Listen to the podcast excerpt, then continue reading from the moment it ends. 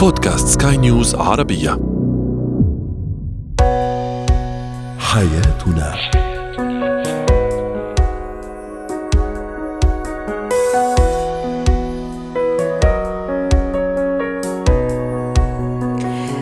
الكرام أهلا بكم معنا إلى حياتنا فضاؤكم اليومي الذي يعنى بشؤون الأسرة وباقي الشؤون الحياتية الأخرى والذي يمكنكم الاستماع اليه عبر منصة سكاي نيوز Arabia dot com slash podcast.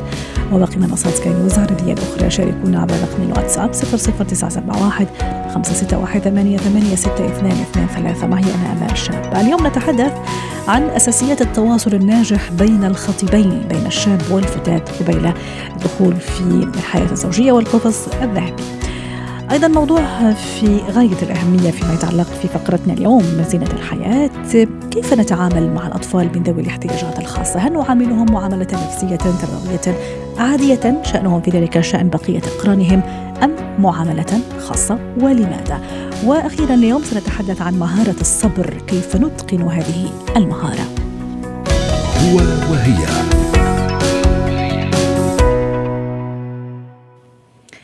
فترة الخطوبة هي من الفترات الجميلة السعيدة في الحقيقة هي تمهيد لمرحلة الحياة الزوجية والدخول في القفص الذهبي. لكن في بعض يعني المخطوبين بعض الفتيات والشباب المقبلين على آه، فترة أو على الزواج والارتباط الرسمي يتظاهرون بامتلاكهم أحلى الطباع والهدوء واحتواء الخلافات والحقيقة هم عكس ذلك تماما مما يؤدي فيما بعد إلى حالة من الصدمة.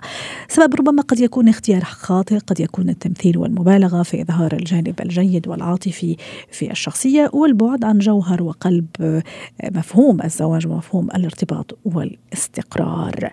للحديث عن هذا الموضوع رحبوا معي بدكتورة كريم إيليا الاستشارية النفسية والأسرية ضيفتنا العزيزة من بيروت. يسعد أوقاتك يا دكتورة كريم. مرحلة الخطوبة. أهلا وسهلا. في مجرد فترة انتقالية وتمهيدية لحياة زوجية. طبعا الكل يسعى لأن تكون مستقرة ومتوازنة. أنا كفتاة مقبلة على الزواج مخطوبة لشاب أو شاب أيضا خاطب فتاة ومقبلين على الزواج. ما هي أساسيات التواصل الناجح بين الخطيبين؟ صحيح يعني بالبداية إذا بدنا نقول أنه الخطبة هي مرحلة انتقالية ولكن هي مرحلة جوهرية بالتعارف بين الشريكين لأنه كل شيء بالعلاقة الأساسية بين الشريكين بمر من مرحلة الخطوبة والتعارف. لهالسبب كثير مهم وأساسي بهيدي المرحلة تكون الأشياء واضحة بين الشريكين لأنه في شغلة كثير خطرة ما بينتبهوا لها أحيانا بصير خبي أشياء لأنه ما بدي أقول الحقيقة كاملة أو في بعض المعلومات بدي أحتفظ فيها لإلي. بمطرح من المطارح أنا بخلق حالة انسكيورتي عند الشريك بخلق هلا شعور بعدم الامان صحيح. واحيانا ثانية تصرفات الشريك أو الأفكار يلي بيكون عم بجرب يسوقها لنفسه ليحمي حاله بالعلاقة. هيدي كمان ممكن تاخذ الثنائي لعلاقة فيها المشاكل آه، فيها مشاكل الثقة آه، فيها مشاكل التواصل وهون بتبلش لعبة الفوقية. مين بده يملك الإدارة بالعلاقة بين الاثنين؟ ومين بده يكون عنده ملف على الثاني؟ هون حكما عم نخرب المراحل الثانية بالعلاقة. إذا رجعوا كفوا الشريكين ل ويعني توجوا هالعلاقة بارتباط آه، صحيح. حضرتك عم تحكي على نقطة كثير مهمة وأنا أنا أروح لعكس هذا النقطة. حضرتك عم تحكي على الناس أو الخطيب الشاب أو الفتاة اللي بيحاولوا يخبوا بعض العيوب وبعض الأشياء السلبية اللي هي موجودة في الحقيقة في كل في كل شخص فينا.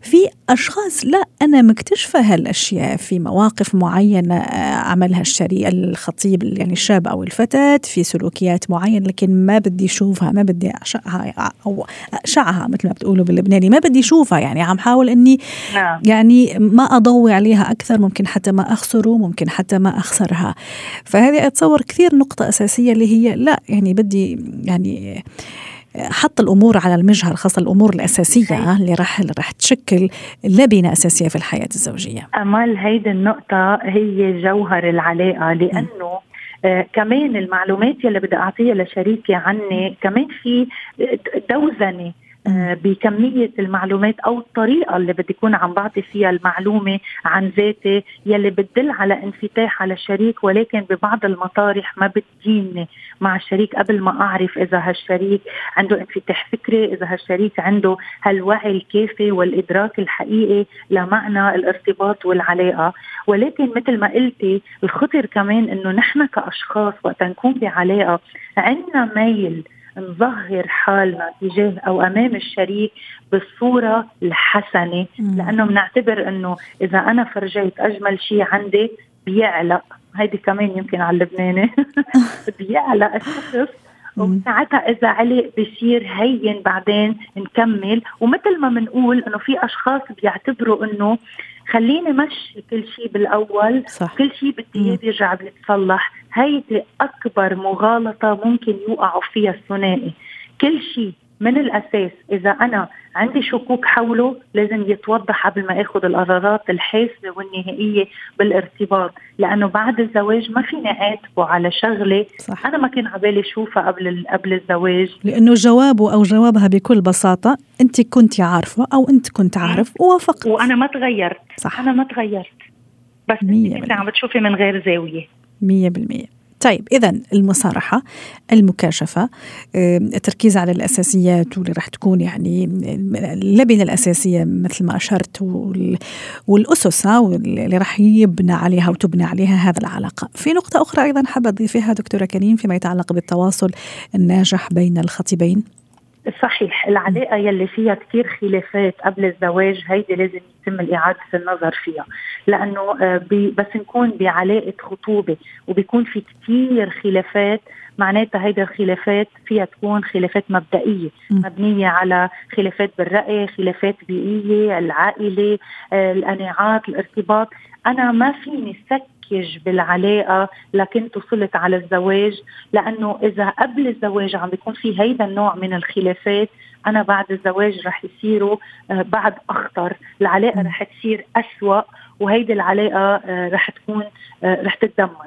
لهالسبب من أساسيات العلاقة الجيدة هي مفهوم الخلاف والمصالحة والاختلاف بالرأي والفكر بين الشريكين. دكتورة كريم مناقشة الجانب المالي أو المادي هل هذا أيضا من بين الأساسيات التواصل بين الشريكين ولا موضوع سابق لأوانه بين بين الخطيبين؟ لا. لا لا منه سابق لاوانه ابدا. وتحديدا بس تكون العلاقة استقرت بين الاثنين والعلاقة صار فيها شكل وصار في لها إطار. إيه، مزبوط. إطار وشكل وعندها مشروع.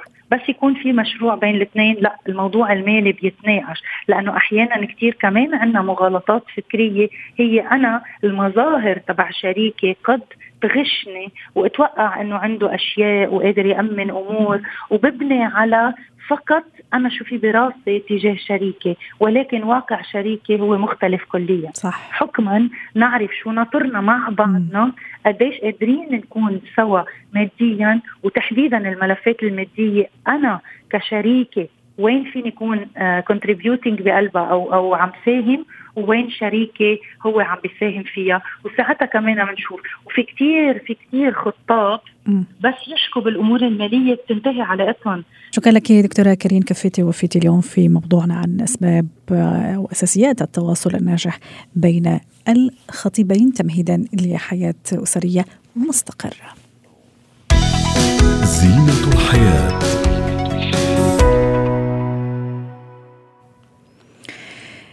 بكم معنا من جديد اليوم في زينة الحياة. سنتحدث عن الأطفال من ذوي أو أصحاب الهمم. آه هذا الطفل طبعا سؤالنا الأساسي وكان هذا أيضا سؤالنا التفاعلي على منصات سكاي نيوز عربية.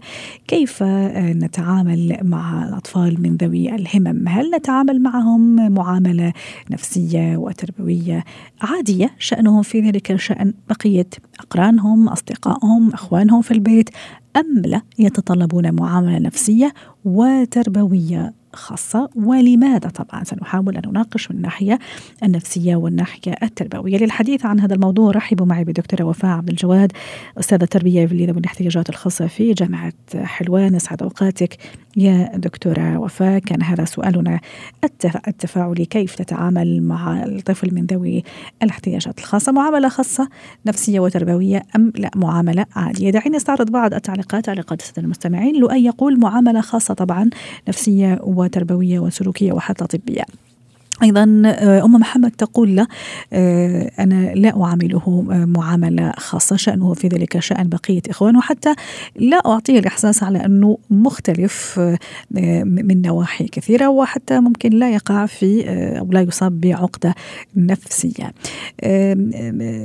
دوجا تقول أنا كانت عندي تجربة عاملت ابني بشكل عادي لكن في مرحلة من المراحل وقع تحت ضغط نفسي آه، رهيب جعل الطريقة تنعكس عليه بالسلب. دكتورة وفاء ما رأيك إذا أنا عندي طفل من ذوي الاحتياجات الخاصة من أصحاب الهمم في البيت؟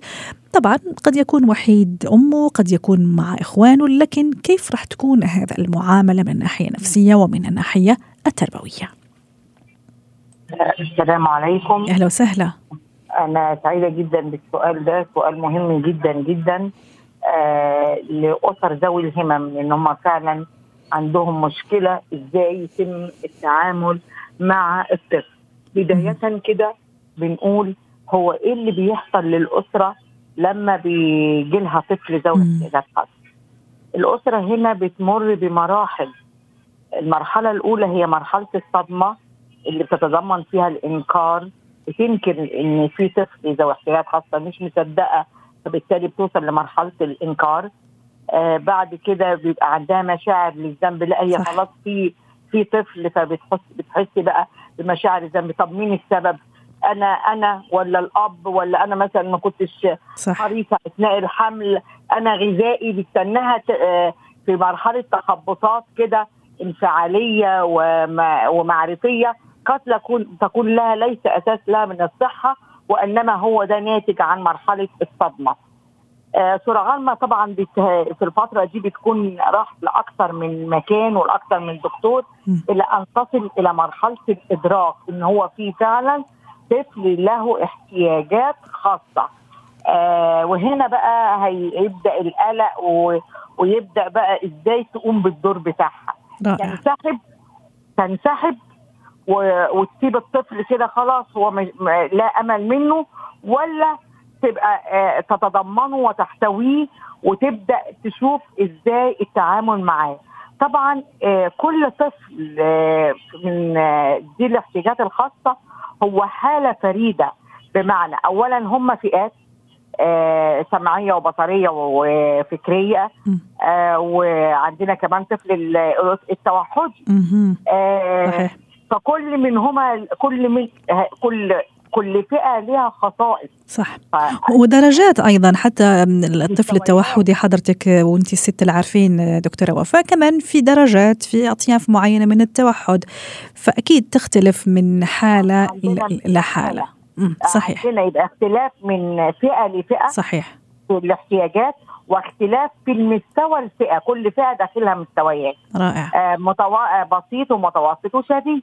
يعني هذا كلامك الجميل والرائع راح كمان يخلينا نلامس نقطة كثير مهمة أنه كان أنا كوالدة طفل من ذوي الاحتياجات الخاصة وأصحاب الهمم أو والد طفل أنه كمان هذه مسؤولية مشتركة أكيد. ما لازم نرمي الحمل على آه على على الأب مثلا لوحده والأم يعني لازم تكون مسؤولية مشتركة. فموضوع أني كمان أكون قارئة وأكون مطلعة على هذا الموضوع أكيد راح يساعدني كثير في التعامل معه.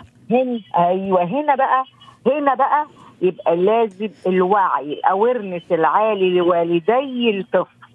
إن أنا أصل لمرحلة تشخيص ابني في اني فئة وفي اني مرحلة.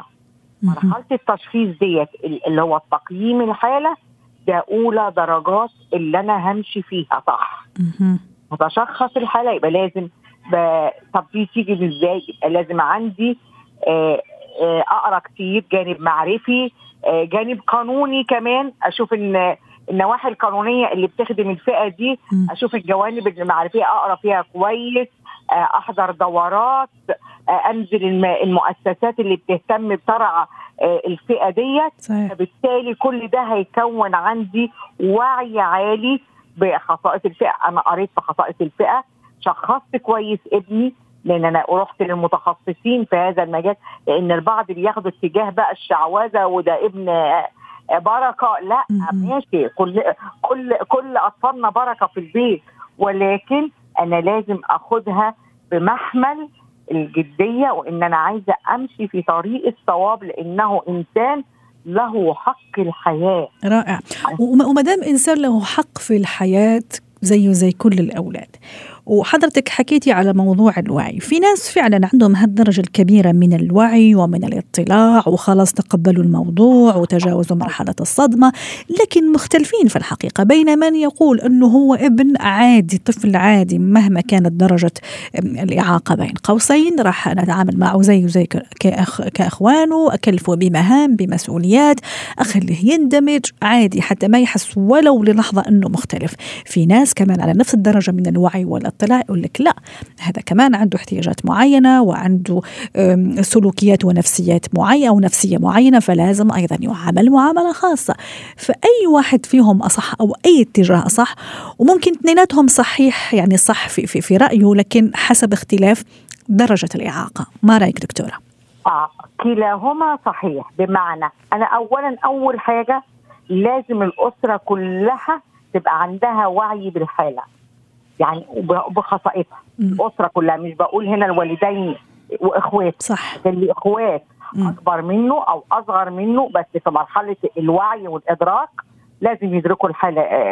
أخوهم دوت ويعرفوا الحالة اللي عنده ويعرفوا خصائص الحالة. حضرتك بتك... بنتكلم هل نعامله كطفل نورمال ولا طفل زي ذوي الاحتياجات الخاصة؟ هو أنا أكلفه بمهام. واعمل له انه يندمج اندماج اجتماعي واندماج اسري واذا كان مستوى بسيط اعمل له كمان اندماج تعليمي وده له الحق فيه يعني الدمج في المدارس والدمج الاجتماعي في الأندية وفي الأنشطة. ولكن مع وضع بعين يعني الاعتبار. الاعتبار الاعتبار خصائص رائع. بمعنى يعني أنا لما هو يعمل موقف آه يختلف عن زملائه العاديين أنا ما ما انفرش منه. صح. ما ما ما, ما عملوش إنزعاج و... وما عملوش ضغط دكتورة وفاء لأنه في بعض التعليق السيدة دوجا بتقول أنا وضعته تحت يعني خليته زي زي إخوانه لكن في مرحلة من المراحل حسيت إنه انضغط لأنه في عنده مسؤولية كبيرة يعني اوفرلود يعني عرفتي كيف؟ عم أقول له أنت زيك زيه لكن في مطرح من المطارح لا في اختلاف معين. لا في مرحلة لازم عشان كده خصائص المرحلة خصائص الفئة لازم تكون القائمين على رعاية الطفل منها قوي. ليه؟ عشان ما حملوش مسؤوليات أكبر من قدراته.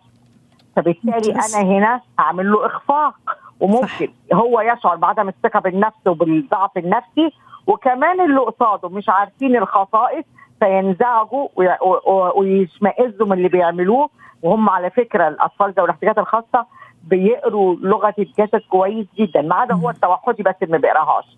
لكن لغة الجسد بتت... بيقراها كويس كده اللي إحنا بنسميها البادي لانجوج بيقراها كويس. فيبص على ملامح العين اللي قصاد اللي بيتكلموا اشتداد الوجه الاستغراب كل ده بيأثر فيه. وسبحان الله يعني هذه كمان ملكة يعني مش أي واحد عنده هذا القدرة قدرة القراءة ال body language وحضرتك عم تشيري إلى أنه فعلا هذا الفئة طبعا. عندهم هذه الملكة. فهذه كمان يعني نعمة من عند ربنا سبحانه وتعالى إذا كانت طبعا وكانت ال body language اللي عم نعطيه لهذا النوع وهالفئة. يعني body language جميل وطيب وإيجابي. حتى نختم مع حضرتك دكتورة في أقل من دقيقة. والتعزيز دايما حتى لما يخطئ أنا ما أعمل نفسي أقبل هذا الخطأ وأعمل الصواب قدامه. يعني الموقف اتعمل خطأ أنا ما بقولوش خطأ. لا إحنا بنحتمل كل اللي بيعمله صح بس مش في مكانه. واضح واضح إحنا عاملين الصح الصواب قدامه. واضح. ونكرره فبالتالي هو إيه؟ يقرأ الصورة الصواب. شكرا لك دكتورة وفاء عبد الجواد استاذه التربية ذوي الاحتياجات الخاصة في جامعة حلوان ضيفتنا العزيزة يعطيك ألف عافية. مهارات الحياة. اليوم في مهارات الحياة سنتحدث عن الصبر وما أدراك ما الصبر. رحبوا معي بمدربة مهارات الحياة لنا قاعاتي يسعد أوقاتك أستاذة لأن يقال الصبر مفتاح الفرج وكمان يقال الصبر حدود. ما هي مهارات حتى أكون صبورة يكون عندي هذا يعني هذا المهارة وهذا القدرة في الحقيقة؟ وثم ما هي حدود الصبر إذا كان فعلا في عنده حدود وكما يقال للصبر حدود؟ نهارك سعادة ولجميع المتابعين ومثل ما قلتي الصبر جميل. الصبر مفتاح الفرج. دائما. نهاية الصبر إن شاء الله نهايات سعيدة. إن شاء الله يا رب. كل شيء له بداية ولازم بالأخير يكون له نهاية. الصبر عادة نربطه مع الوقت. والوقت بالسايكولوجي عنا بدماغنا دائما مرتبط بالانتظار. وهو الشيء عادة نحن كبشر ما بنحب نعمله ما بنحب ننتظر. بنحب نشوف النتيجة بشكل سريع أو أي مجهود نعمله بدنا نشوف ردة الفعل بشكل سريع. رائع. هون بدنا نلعب على الوقت. بدنا نختار وقت منطقي. بدنا نختار وقت واقعي إن كان بمجال العمل إذا عندنا project أو إن كان بنوع من العلاقات أو إن كان بأي مجهود إذا عم تعملي diet حياخذك وقت لتخسري وزن. آه الطفل بياخذ وقت ليكبر ويتعلم مهارات معينة. صح. فالوقت هو المعيار يلي مهم جدا يكون عندنا مهارة نشتغل عليه.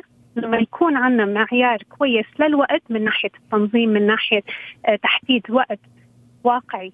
رائع. الهدف اللي نحن عم نحاول نوصل له بيصير عندنا قدرة على الصبر أكثر رائع. أستاذة لانا حضرتك ربطتي يعني. ربطتي الصبر بالوقت. وأنا آه. كمان راح أربطه بشيء آخر يعني لو تسمحي لي وأعطيني رأيك فيه بالعزيمة أيضا والإصرار والثبات على على هذا الموقف أو على الشيء اللي أنا بدي إياه يصير يعني. طبعا يعني العزيمة هي شغلة كثير مهمة وهي من المفاهيم اللي بتكون عندك يعني عندك إياها كمفاهيم شخصية أو مفاهيم متأصلة مثلا من ناحية التربية. هي المفاهيم والطريقة اللي بتحكي فيها مع نفسك وحديثنا مع الذات إنه أنا شخص عندي إرادة قوي أو أنا شخص غير صبور خلقي ضيق بعصب بسرعة ما بحب أنتظر. اللبس أو الصفة اللي نحن بنلبسها لنفسنا مع الوقت بتصير عادة. بس بس معقول أستاذ لنا يكون مثلا عندي صبر في شيء وفي شيء آخر ما عندي في صبر؟ ولا لا هذه صفه صفة مفروض تكون موجودة في كل المواقف وفي كل الحالات يعني؟ لا معقول معقول كثير. وانت حكيتي أنا ممكن أكون قاعدة بجو مثلا بحب الأطفال بلعب معهم. فبصبر ما عندي مشكلة إذا عم بيصرخوا عم عم يلعبوا صوت عالي. وبنفس الوقت ممكن أنحط بمحيط آخر يكونوا أشخاص عم يحكوا بصوت عالي أو صريخ وضوج وأفقد. فأكيد يعني هون يمكن فيك تقولي حدود الصبر. شو الشيء اللي أنا بتقبله؟ وشو الحدود اللي أنا حاططها ضمنيا؟ هي بتحدد قدرتي على الصبر. رائع. طب أنا بدي أتدرب على إني أكون صبورة مثلا. أنا ما عندي هذا الصبر الكثير خلقي ضيق زي ما تفضلتي وبدي فعلا أكتسب هذا المهارة. في أشياء تنصحينا فيها؟ نعملها مثلا كتمارين ممكن حتى بعض الرياضات خلينا نقول مثلا يقال إنه الصيد مثلا يعني يعلم الصبر اليوغا أيضا تعلم الصبر. فهل هذا فعلا؟ وشو الأشياء اللي ممكن تساعدينا فيها أيضا؟ الصيد قلنا. الصيد السمك إيه. عادة التدريبات التدريبات الدماغية يعني مثلا السودوكو وهي أنواع من ألعاب تطوير مهارات الدماغ هي كمان بتعاونك على الصبر. إنه بيحتاج وقت لحتى تركزي وتوصلي للإجابة. وفي أمور ثانية مثل ال board games مثل الشطرنج. هدول كمان إذا الواحد بيتعلمهم بيتدرب عليهم بيحتاج منه الصبر. هلأ نقطة مهمة فينا نمارسها كمان الهدوء. الهدوء بيساعد كثير على تطوير الصبر ولما بقول هدوء يعني لا بتعمل رياضة ولا بتحضر تي في ولا بتكون عم تقرأ ولا عم تسمع موسيقى تقعد بمكان فيه سكون هدوء تام. يعني بدك تصفي ذهنك بشكل تام لحتى يصير في هدوء وتحسني. تتعلمي الصبر تستجمعي طاقة الصبر. جميل. حتى أستجمع طاقة الصبر أيضا استدلنا ضروري أني أنتبه لمشاعري. أحيانا يعني يعني مشاعري شوية تخونني أو ما يعني ما أعرف أشرحها بشكل صحيح فبلاقي حالي مندفعة ممكن أتخذ موقف أو قرار بعدين أقول يا ريت كنت صبورة فيه. يعني ليش أنا أخذت هالقرار؟ فموضوع أني أكون منتبهة لمشاعري جدا حتى ما تخدعني بين قوسين. بدنا ننتبه على ال self triggers بدنا ننتبه نشوف شو اللي بيعصبنا أو شو اللي بيستفزنا مثلا. بيزعجنا بيخلينا ناخذ قرارات سريعة. نعطي لنفسنا هي الفرصة فرصة التفكير. يعني ما يكون عندنا ردود أفعال فورية. جميل. أه، راح أضيف أيضا شغلة وقبل ما نختم في 30 ثانية تقريبا أو 40 ثانية. حين تجي مثلا مواقف غير غير مريحة لكن تشوفي الشخص الصبور لا يرحب بها عادي ويأخذها بشكل عادي جدا. الشخص غير الصبور لا ما راح يرحب بها وممكن كمان أه، يعني صبره يخلص وممكن يعمل أشياء يندم عليها فيما بعد. هاي تعتبر آه، يعني فينا نقول مثل الكاسه نص فاضي نص مليان. على نظره نظره الإنسان هل هي إيجابية نحو الحياة أو هي سلبية، في ناس تنظر لأي موقف وبتخلق منه شيء كويس وفرصة. وفي ناس ممكن أي شغلة فورا تخليه مثل كأنه صار ضباب قدام عيونهم ما بقى بيشوفوا أي شيء كويس. شكرا لك استاذه لنا قاعتي سعدتينا اليوم مدربه مهارة الحياة بهذه المشاركة ويعطيك ألف عافية. حياتنا. ختم حلقة اليوم من حياتنا. شكرا لكم وإلى اللقاء.